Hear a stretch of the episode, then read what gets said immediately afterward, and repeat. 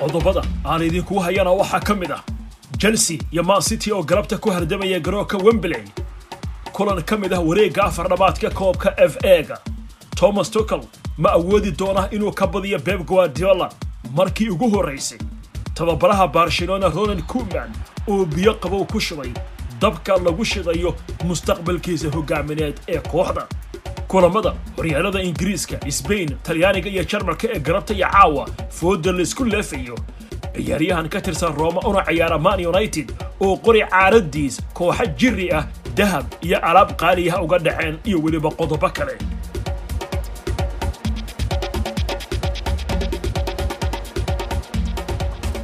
Aan ku bilaabe chelsea iyo manchester city ayaa caawa. Saacadda afrikada bari marka ay tahay sideedda iyo barka waxay fooda isku dari doonaan garoonka wembley. Kulan ka mid ah wareegga afardhamaadka ee koobka f ega ee ingiriiska oo ah tartanka ugu faca weyn tartamada kubadda cagta ee adduunka.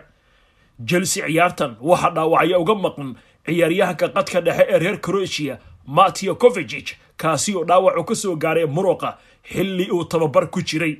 Daafaca reer denmark andres christensen oo isna dhaawac muruqa qaba ayaa sidoo kale chelsea ka maqnaan doona dhanka manchester city. Waxaa kulankani aan u safan doonin sergi aguero oo labadii kulan ee ugu dambaysay u maqnaa arrimo aan shaaca laga qaadin. Chelsea indhaxumada haysataa waxay tahay saddex mar oo ay kula ciyaartay man city garoonka wembley tan iyo markii dib loo casriyeeyey kama aanay badin. Waxaana laba hal looga badiyey labadii kun iyo saddex iyo tobankii ciyaar afardhamaadka efega ka tirsanayd labadii kun iyo siddeed iyo tobankii oo laba iyo eber city ay ku qaaday koobka community shield. Halka labadii kun iyo sagaal iyo tobankiina city ay kaga guulaysatay koobka f ega iyadoo ku qaaday gool kulaad. City afar ka mid ah lix jeer oo ay f ega kaga hor timid chelsea waa ay badisay. Chelsea haddii ciyaartan ay badiso waxay noqonaysaa markii shan iyo tobnaad ee ay gaarto ciyaarta kama dambaysta ee koobka f ega waana markii afraad shan xilli ciyaareed. Chelsea waxay guulaysay toddoba ka mid ah siddeed mar oo ay afardhamaadka tagtay. Halka mar ee laga badiyeyna waxay ahayd labadii kun iyo saddex iyo tobankii oo man city ay badisay.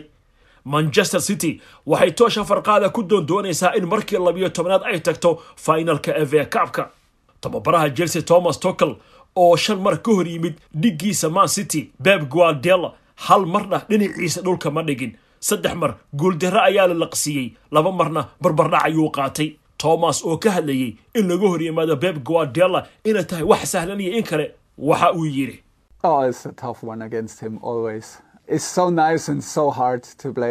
aad bay u adag tahay mar kasta oo laga hor yimaado isaga. Waa arrin wanaagsan. Haddana adag in lala ciyaaro kooxdiisa. Wuxuu leeyahay aaminaad weyn. Wuxuuna aaminaaddaasi weyn ku shubay ciyaartooydiisa taasi oo ah inay si weyn u rumaysan yihiin in waxa ay samaynayaan ay tahay waxaan la celin karin. Wayna adag tahay in kalsoonidooda la jebiyo. Waa wax dhib badan in laga guulaysto. Waxaa jira farqi u dhexeeya chelsea iyo manchester city taasina waxaad ka ogaan kartaa shaxda kala horraynta kooxaha oo ma ahan wax qarsoon. Laakiin hadda waa hal ciyaar oo aan wax badan aan anigu iska doonayo kana doonaya kooxdayda.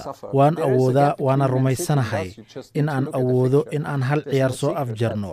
Farqiga inoo dhexeeya. Ma jiri doonto wax marmarsiiyo ah oo la aqbali doono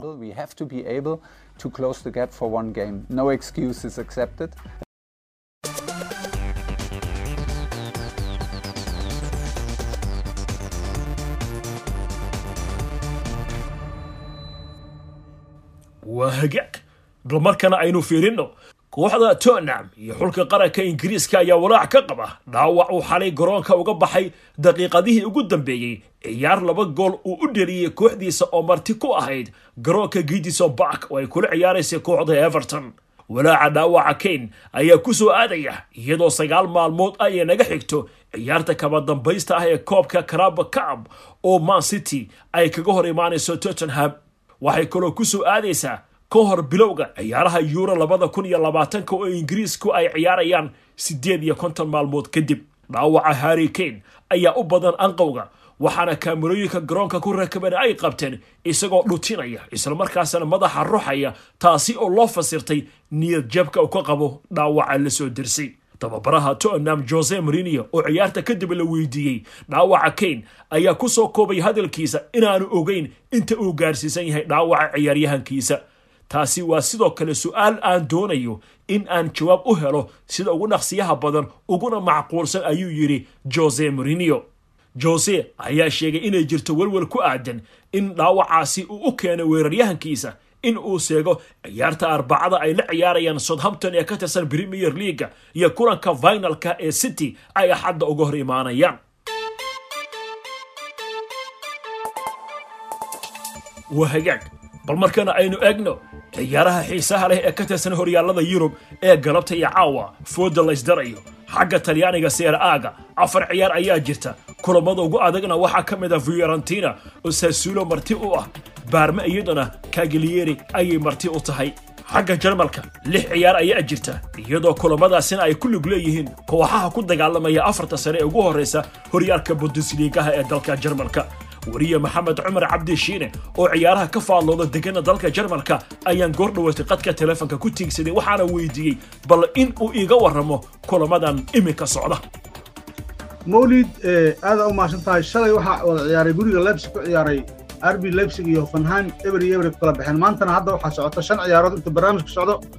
Ciyaarta u horeysa waa augsburg iyo armenia belefeld oo lagu ciyaaray guriga augsburg waxaa ku xiga ciyaarta oo islamada brusia moshingalabaq iyo armenia antrak frankfort waxaa kaloo ku xiga freiburg iyo shelka oo wada ciyaari doona.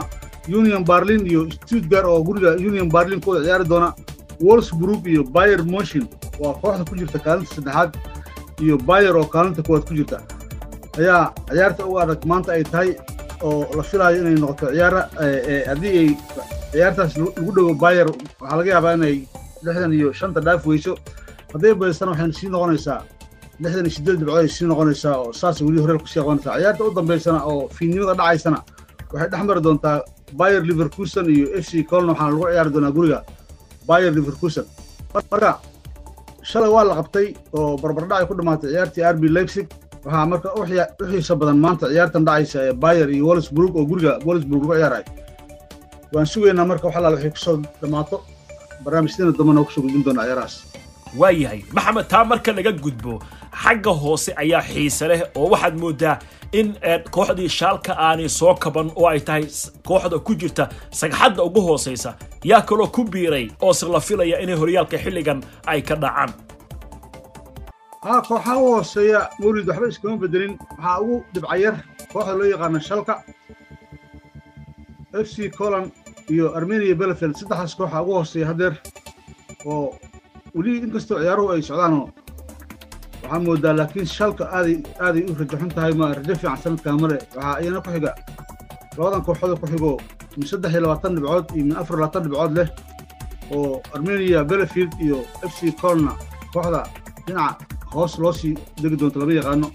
Herta barlin oo iyadana kaalinta afraad qaybta u hooseysa ku jirta iyana waa waa liidataa sanadkan. Marka waa saas kuwaasna aad iyo aad baad u mahadsan tahay maxamed cumar cabdi shiine oo ah saxafi degan dalka jarmalka ayuu kaasi ahaa.